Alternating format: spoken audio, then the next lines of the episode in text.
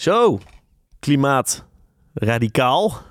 Ja, nu ben ik echt wel een beetje klimaatradicaal Ja. aan het worden. Wat ga je vandaag kapot maken of opblazen? Of, eh, Eh, ik beloof elkaar- niks, maar het heeft wel te maken met de slechtste keuze die ik de afgelopen weken heb begaan. Ja, en daarna hebben we het over iets wat we allebei, eh, waar we veel mee hebben. Strafrecht. Moord en doodslag. Moord en doodslag. En ook hoe ga je daar als samenleving mee om? En ook vanuit de, heb je hem toch weer, de, De politiek. politiek. Ja, wat vinden we, hoe, wat doen ze nu in de campagne op dat onderwerp? En waarom zijn allemaal dingen niet juist volgens Hanna? En, wat, en, en waarom Freek een beetje moeilijk? Dat is het.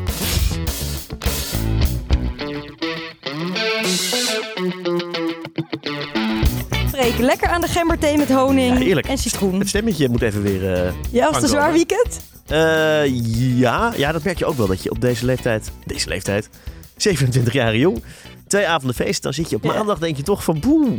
Om mijn 85. ik voel me 85 inderdaad. Nou, een beetje. Ehm, eh, maar gisteren ook gewoon weer lekker gewerkt. Ik was lekker in Hilversum tot eh, best wel laat. Hoe laat was je thuis? Half twee. Oh, netjes. Ja, dus dat was prima. In het taxietje naar huis. Ja, heel mooi item over bloemkolen gemaakt. Dat zijn nog eens de zwaardere Dat zijn de onderwerpen. zware onderwerpen, ja. Ja. Bloemkool is namelijk een, eh, geen wintergroente. Dat dus het groeit in de zomer? Zeg Ja, bloemkolen houden niet van heel erg nat en heel erg koud. Wat zijn dan wel wintergroentes? Nou, leuk dat je het vraagt. Gisteren mee bezig geweest. Eh, kolen, spruiten, uien, En die kunnen ook groeien in de sneeuw en zo. preien. Ja, bloemkool, dat, dat, dat, dat kan pas als de eerste vorst er overheen is geweest. Dat was een item over dat groenten zo duur zijn geworden. Eh, want Bloemkolen van hoeveel euro? nou, als je echt de uitschieters neemt, want ik heb het uitgezocht, dan zit je bij 8 euro. Maar Dit is wel echt het leuke aan jouw baan. Dat je gewoon van alles een heel klein beetje weet. ja, en dan kun je overal een beetje over meepraten. Nee, uitschieters van 8 euro, maar in de supermarkt ook 3,50 voor een bloemkool. En dan dat denk is je, duur. oh, dat is duur. Maar wat betekent dat nou eigenlijk? We weten niet meer wanneer we wel en geen eh groente moeten eten. Dus we weten niet meer dat we in, dus eigenlijk in de winter geen bloemkolen hebben, want we halen ze uit Spanje. Dus we moeten beter met de seizoenen gaan koken. Ja, maar ik wil niet elke dag spruitjes eten in de winter. Ja, of kool Ja, nou goed. of prei. Nou, dus dat Ja. was, eh, ja. Ehm, Vertel, de kutste keuze van de week. ja, mijn kutste keuze. Nou, niet ontbijten. Ik behoud even het persoonlijke. Ik heb, had het goed voornemen voor 2023. Ik dacht, Ja. ik ga nu elke ochtend zo'n bakje kwark met, eh, met, met muesli en eh, bananen eten. Is niet gelukt. Drie keer gelukt in eh afgelopen anderhalve maand. Hoeveel bakjes yoghurt staan er te beschimmelen in Nou, dus je ben, ja, die heb ik koelkast? dus laatst weggegooid. Best wel veel. Heb jij die laatst weggegooid? Zeker. Maar dus dat is, dat, dat is, mijn, dat is een, een algemene kutte keuze die in mijn leven een soort van door... Oké, het gaat gewoon eigenlijk iedere ochtend mis. Op drie dagen na in anderhalve maand. en, en dan zit je dus toch weer zonder ontbijt Ja. in de trein. En dan moet je zo'n... Dit is... Dit jouw nachtmerrie, een- zo'n zo'n Albert Heijn... Volgepa- Zo'n zo- drie, zo'n driehoekige sandwich. Oh nee, dat... oké, Nee, die doe ik niet. Niet. daar krijg ik Nee, zo'n van zo, zo'n witte met eh, gekookt ei. Ugh. in zo'n... Oh, daar kan ik niet over hebben. pak- ja. Mm, mm, daar krijg ik kippenvel van. Maar dit past wel echt in een groter verhaal. Dat mannen niet voor zichzelf kunnen zorgen. Vind ik een hele generaliserende algemene Mannen die zonnebrand of dagcrème of iets op hun gezicht doen, die... Die smeren het heel hard over hun gezicht uit, terwijl vrouwen het zo rustig over hun huid uitsmeren. En daar deduceer je uit dat mannen dus niet voor zichzelf zorgen, want ze smeren crème hard ja, op en dat ze weet ik veel hoeveel jaren jonger le- eh, minder leven. Dat komt omdat mannen ook eigenlijk best zielig zijn. D- dat is, ja... Dat meer zelfmoord, minder vrienden. Eh, Ja. Uiteindelijk zijn ze eh, minder, meer depressies. Ja, als Steven. Vinker hebt het ook maar zo. Nee, dit klopt wel echt. Lager ja. opgeleid, over het algemeen. Dus mannen, ik heb hier één keer ook geprobeerd iets over te maken, maar dat kwam er niet helemaal lekker doorheen. Toen ik Dus zei, eigenlijk is de kutste keuze man zijn. Anders Voor- ja, al deze problemen niet gehad. Eigenlijk voor vandaag wel. En jouw kutste keuze. Ehm, ja, mijn is wel even iets serieuzer. Ik ben redacteur voor Progressief Café en wij organiseren dus af en toe avonden. Eén keer over het kapitalisme, hoe nu verder. En nu wilden we een avond organiseren in Pakhuis de Zwijger over... Moet de klimaatbeweging geweld gaan gebruiken? Gewoon een open gesprek daarover. En dan gaan we mensen vermoorden? Nee, ah, natuurlijk niet. Maar bijvoorbeeld wat de suffragettes hebben gedaan bij vrouwenstemrecht... is dat ze op een keer op een nacht alle ruiten in Londen hebben gebroken... En toen onder het mom van... It's better to have broken windows than broken promises. Dus die vormen van geweld. En wat is nou geweld? En wat Ja. is legaal en wat is legitiem? Zo'n gesprek. Maar de beweging waar jij bij zit, zegt altijd wij zijn vreedzaam. Ja, XR is altijd vreedzaam. Maar het blijkt wel echt uit onderzoek... dat bij vreedzame bewegingen...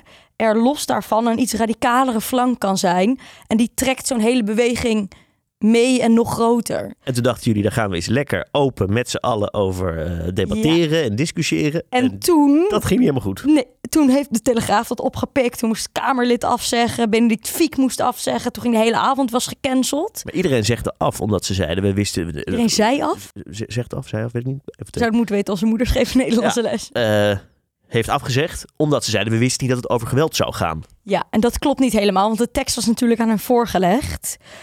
En het gaat ook niet echt dat we daadwerkelijk geweld gaan gebruiken, maar het is gewoon meer een open gesprek wat gevoerd moet worden. Ja.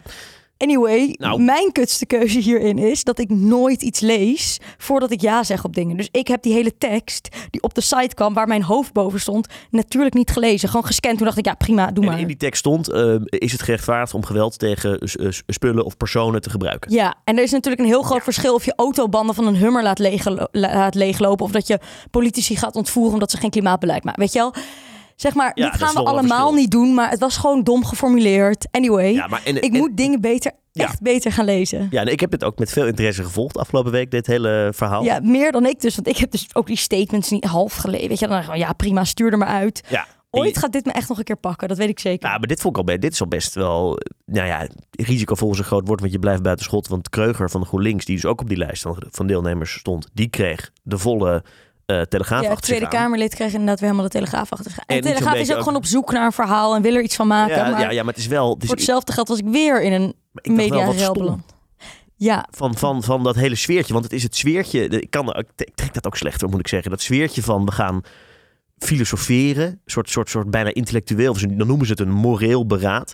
Vandaag nee, ook maar weer. dat is, dus- ja, dat is dus een speciale manier van praten... waarin dus een paar mensen om de tafel zitten... en gewoon er heel open over een onderwerp wordt gepraat. Ja, maar doe dat lekker. Maar je snapt toch ook wel dat als je het zo opschrijft, dat dat dan bij mensen Ja, overkomt dus als er gaat een groepje gaat zitten bedenken. Voortaan moet ik dat beter lezen en me er meer mee gaan bemoeien... maar ik heb gewoon En te je verder lui. geen behoefte aan nog meer van mijn analyse over. Ja, ja, waarom- vertel, waarom- vertel nog maar Want- meer wat je ervan vindt. Nee, ik was in ge- wat was het, dinsdag in Den Haag. En je ziet gewoon, dat het is natuurlijk campagnetijd, verkiezingstijd. eh, dus, dus dit is een thema wat, wat dan...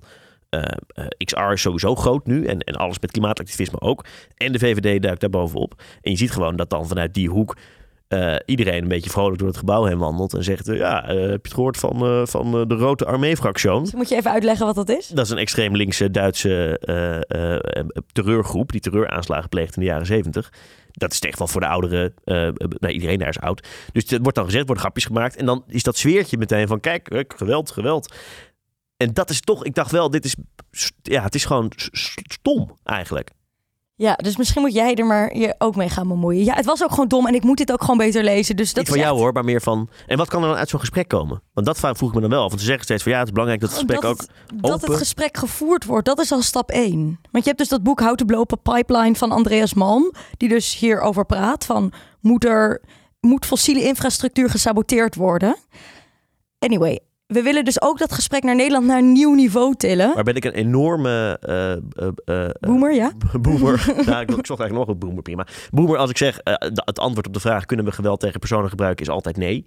Ja, dus dat Dus had er heb- sowieso dus uit moeten zijn. Dat had er sowieso Ja. uit gehaald. Dat had er nooit ingemogen. Heeft iemand gewoon, weet je, ook gewoon niet goed opgelet. Maar ik vind dat je dus wel een serieus gesprek kan hou- houden over... ja, hoe erg is het nou als je een privévliegtuig ervoor zorgt dat het even niet kon opstijgen? Ik weet niet. Dit is gewoon een gesprek ja. wat gevoerd moet worden. Ja, oké. En wat nu dus niet gevoerd wordt, want na alle commotie... besloot de Nee, maar organisatie... verplaatst en dan met, wordt het nog groter en nog vetter. En we gaan de komende dagen, las ik, met podcasts eh, in gesprek... en met alle deelnemers die er dan op die lijst stonden. Ja, dus we gaan wel door met Progressief Café. Oké, het zit wel een beetje in de hoek van waar we het vandaag ook over willen hebben. Eh, namelijk een thema waar we allebei veel mee hebben, om verschillende redenen. Jij, hoe gaat, jij studeert strafrecht, hoe gaat dat eigenlijk? Hier gaan we het eigenlijk niet over hebben. Nee, dat gaat wel goed. Oh. Het is echt leuk. Ik kan het iedereen aanraden. Ja. Ehm, Vaag, we hebben Benedict de Fiek te gast gehad een paar afleveringen geleden. Eh, vage ambitie zit er bij jou ook nog wel om strafrechtadvocaat te worden. Ja. Ik eh, heb bij dat kantoor gewerkt, maar gewoon stickeren en eh, nieten en kopiëren. ook belangrijke taak. Ook belangrijk taak. Uit worden En, gescholden door iedereen daar? Nee, grap. nee, ik ben, ik ben nooit uitgescholden. Het was meestal ging alle woede richting het faxapparaat. Ehm, maar dat is, dat, dat, en daar ging wel veel woede heen, maar niet, dat was dan niet naar mij. Maar eh, ik weet daardoor wel een beetje hoe die wereld in elkaar zit. En ik heb ze ook al gewoon zien werken en daar leer je eigenlijk ook al best veel van. Ja, en het relevante voor nu is dus dat het strafrecht altijd weer omhoog komt in verkiezingstijd. Dan gaat het altijd over harder straffen, weet je, dit, dat. Ja. Anyway, en nu ik een klein inkijkje erin heb, denk ik, wat een... Nou ja, goed, daar gaan we het dus over hebben. Wat Ja. een onzin. Wat, wat wat een onzin. Ehm, ja, dat het, het als zo'n paradepaardje wordt gepakt. Ja. Ja, Voorbeeldje, eh Dylan Jezegoes, VVD-minister. Nou, VVD zit goed in de campagnewedstrijd deze, deze dagen. Die, die, daar ging een wet door de Eerste Kamer en die verhoogt de maximumstraf op doodslag. ja, dus dat is nu 15 jaar. Dus Ja. doodslag is als je iemand doodmaakt zonder voorbedachte raden. Dus als je het niet plant van tevoren. Ja, impuls. Dat noemen we, eh, impulsdelict noemen ze dat dan. Ga jij dat even vertellen hoe dat werkt? ja. Ehm, En die zat op 15 en moord zat op 30. Ja. Toen zei eh, het vorige kabinet, Grapperhaus, zei dat dat verschil is te groot tussen die twee, dus moeten we recht trekken. En wanneer komt dat opeens? Dan wordt dat helemaal groot opgeblazen in het nieuws. Toevallig in de maand voor de verkiezingen. Ik kan je zeggen omdat de Eerste Kamer er nu mee akkoord is gegaan. Alleen ze maken er een apart filmpje van en ze zeggen het is zo belangrijk voor slachtoffers. De gedachte die erachter zit is dat het voor, voor nabestaanden en voor slachtoffers onbestaanbaar is op het moment dat dan iemand 15 jaar de gevangenis ingaat. Dat is de, het idee waarmee deze wet omhoog moest. Feit is dat er volgens mij bijna nooit 15 jaar wordt opgelegd voor doodslag. Nee. En dat als je zo'n wet wil veranderen, dan gaan ze iedereen advies vragen. En iedereen zegt, eh, nee, slecht idee. De rechters zeggen het, de advocatuur zegt het, eh, eh, de Raad van State zegt het, Gevangeniswezen het zegt het, gevangeniswezen ja. zegt het. Iedereen zegt het.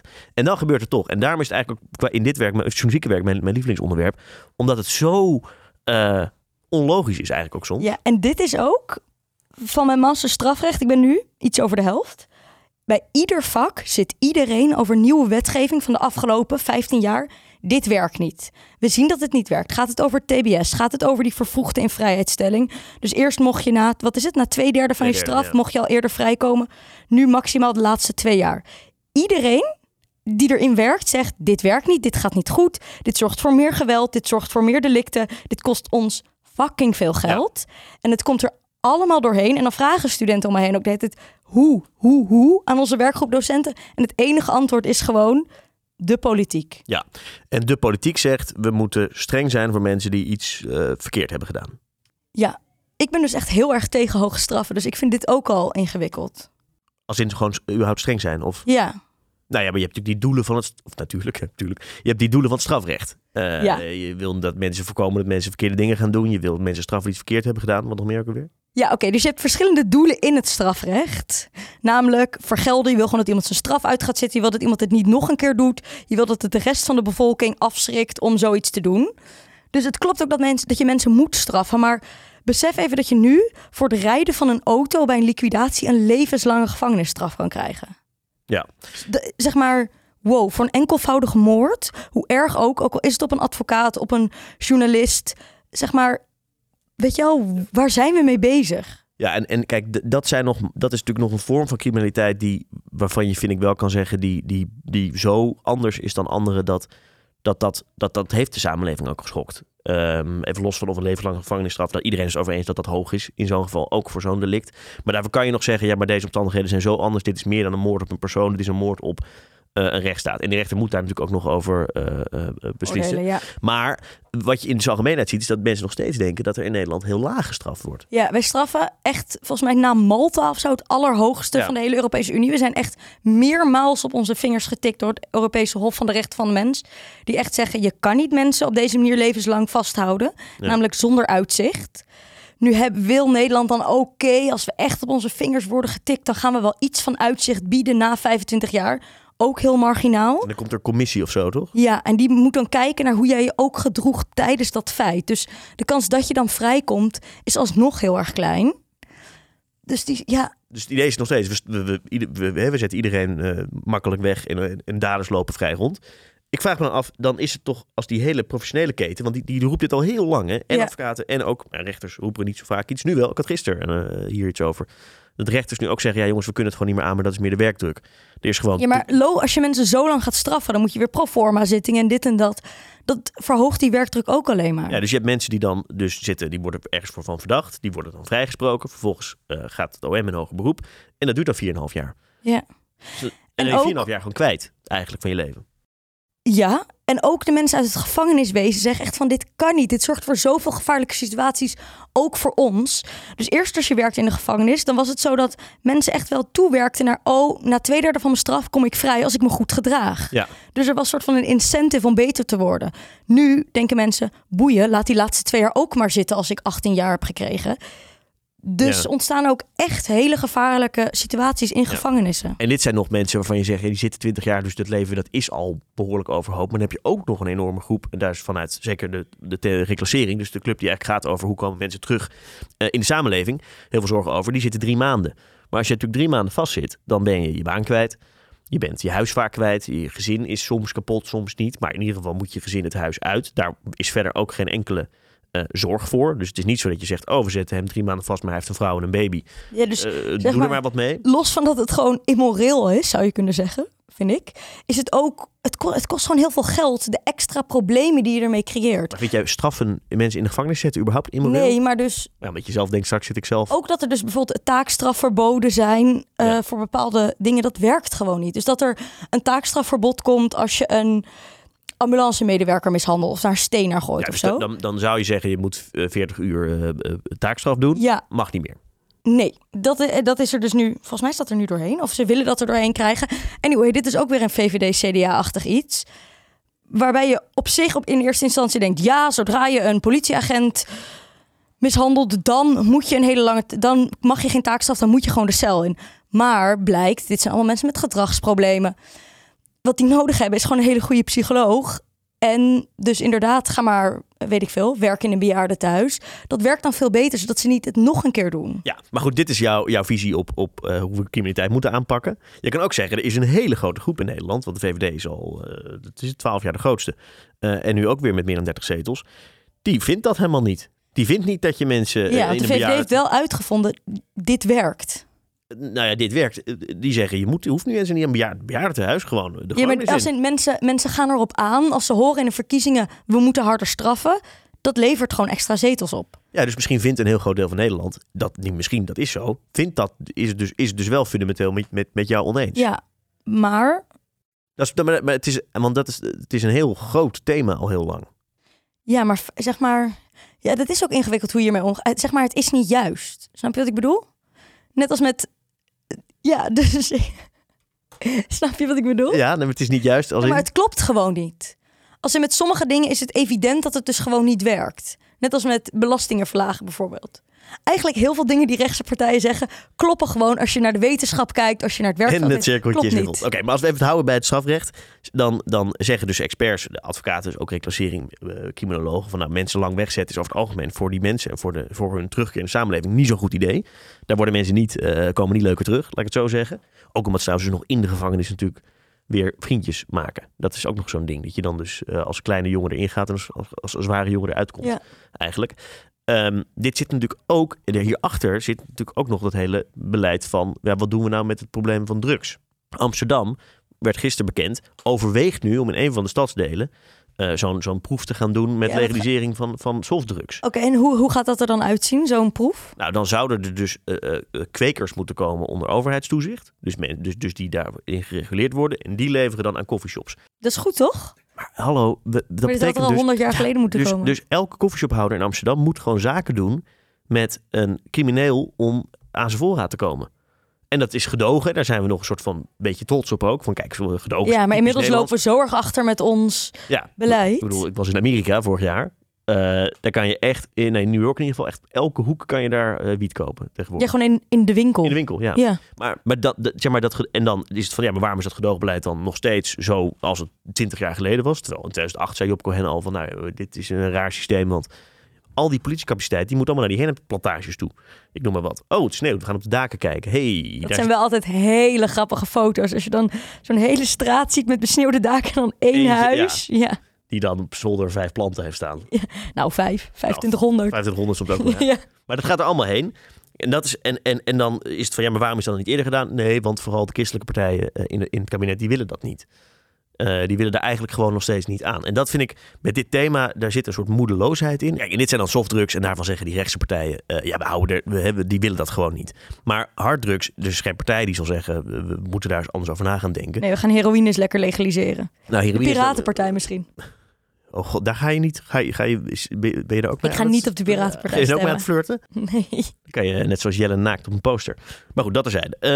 toch, dat was toch de Piratenpartij? Ja. Of was dat? Ja, van ja, privacy. wel de Piratenpartij. Dit is dan eh eh softdrugs. Zeggen ze, willen we niet. Maar bij harddrugs zit er zo'n moedeloosheid in. Dat je ook denkt, ja, er zijn soort twee kampen die totaal tegenover elkaar staan. Politie, nu dan de minister die zegt, we moeten eh, die ondermijning aanpakken. We moeten de topcriminelen aanpakken. We zijn de strijd aan het winnen. En aan de andere kant de groep die zegt, ja, maar deze strijd is ja, niet en, dit, en dit light gewoon iedere verkiezingen weer op. Omdat dit soort van, ja... Dit is iets waar je gewoon stemmen op kan pakken. En waar je ook weer eventjes je echt kan differentiëren van andere partijen. En ondermijning is ook een groot probleem. Dat is, Ja. Daar is iedereen het ook wel over eens. En dat dat tussen onder- en bovenwereld eh, vermengt ook. En dat, dat, dat, daar, ehm, dat er winkelstraten van criminelen worden en zo. Dat, is, dat wil niemand. Alleen zitten de... Ja, is het een beetje ja, moedeloos van te worden. Dat is eigenlijk het woord dat ik er dan blijf hangen. Ja, nou, wat, Een treurig einde. wat een treurige conclusie. Maar, ah, en dan denk ik... Ik vind dus wel nog dan ingewikkeld dat dan de VVD dat weer zo pakt of zo, weet je wel. En, Ja. hier, en wie worden vergeten? De mensen die lijden onder dit systeem. Want die worden niet Ja. opgevangen. een keer een heel lang gesprek gehad met een achterblijver. Dus dat is iemand wiens partner dan vastzit. En die had twee kindjes. En die mensen worden natuurlijk ook nog eens ehm, eh, eh, ja, min of meer geëxcommuniceerd uit hun gemeenschap. Want ja, Ja. jouw partner heeft iets gedaan. Deze jongen zat volgens mij acht jaar. Ze wil niet zeggen waarvoor. Ehm, eh, maar ja, dat, die, die moet dan dus totaal uit het niks het leven opbouwen. Ja. Eh, dat terzijde trouwens, de achterblijvers. Dat is nog een ander probleem. Oftewel, moet je dan toch niet... Ja, dat is ingewikkeld. Moet je dan, ik, ik kan gewoon vanuit mijn makkelijke vraaghoek eh, iedereen hierover blijven bevragen. Maar ja, jij kan ook dan toch de strafadvocatuur in. Maar ja, dan zit je met die hoge werkdruk. Ja, ja maar als, de, als, als ze allemaal gaan staken, dat was toch gisteravond dat misschien rechters, officieren van justitie Ja. En advocaten gaan staken? Advocaten niet. Oh, de advocaten gaan gewoon door. maar ja, dat kan niet. Alsof die geen hoge werkdruk hebben, by the way. Ja, maar dan is er geen, dan is er geen werk. Zeg maar, dan, dan hoeven ze niet even niet te werken, want dan wordt er gestaakt. Oh ja, ja dat, dat is ook weer waar. Ehm, ja, ik weet niet. Ik eh, heb gelukkig nog tot de zomer om hier eventjes over na te denken wat het allemaal precies gaat worden. Maar het is wel echt... Het komt wel aan de fundamentele dingen van je rechtsstaat, weet je wel? Hoe je met mensen omgaat die iets ernstigs hebben gedaan. Of je gaat VVD'ers uitleggen dat het eh, gewoon onjuist is wat ze doen. Ja, dat is misschien nog wel leuk. En dan zeggen ze, hoezo weet Nee, je, maar het is gewoon nog- niet juist. Zeg maar, Klopt gewoon niet. Dylan is niet dom. Nee. Zij weet ook echt wel beter. Zij weet ook echt wel, zij spreekt mensen uit het werkveld. Zij weet ook echt wel dat het gewoon niet werkt op deze manier. Maar ze weet ook dat ze een leuk VVD-campagnefilmpje kan maken. Ja, ik, weet, ik, ik, ik kan niet in haar hoofd kijken. Dus Nee. dat weet ik niet. Wat een mooi Ja. journalistiek Ja. antwoord is dit. De, de, hier dit, nou, Eh, wat wel leuk is aan Dylan, los van dat ze verschrikkelijke dingen zegt, is dat ze heel erg van honden houdt. Ja, eerst is jouw woorden. Twee, eh, ja, ze is een enorme herderfan. Ze heeft een gigantische eh, Franse herder. En die, dat is eigenlijk de grote, grote liefde en de grote vriend. En Naast je- haar man natuurlijk, naast mag haar ik hopen. natuurlijk. Ja, maar ik denk dat ze wel op gelijke voet staan. Ja. Kijk, dat is dan wel weer leuk. Ja, dus zo zie je maar, hè. Zelfs dieren. Oké, nou, ehm, fijn zo. Conclusie, Ja, let goed op bij de verkiezingen. en Freek is moedeloos. Wat er weer omhoog komt bij partijen, weet je wel, waar ze een soort van weer even op aangaan. Eh, ja, nou, En jij bent ja. moedeloos. En ik ja. ben een beetje moedeloos. Ja. Goed, tot volgende week.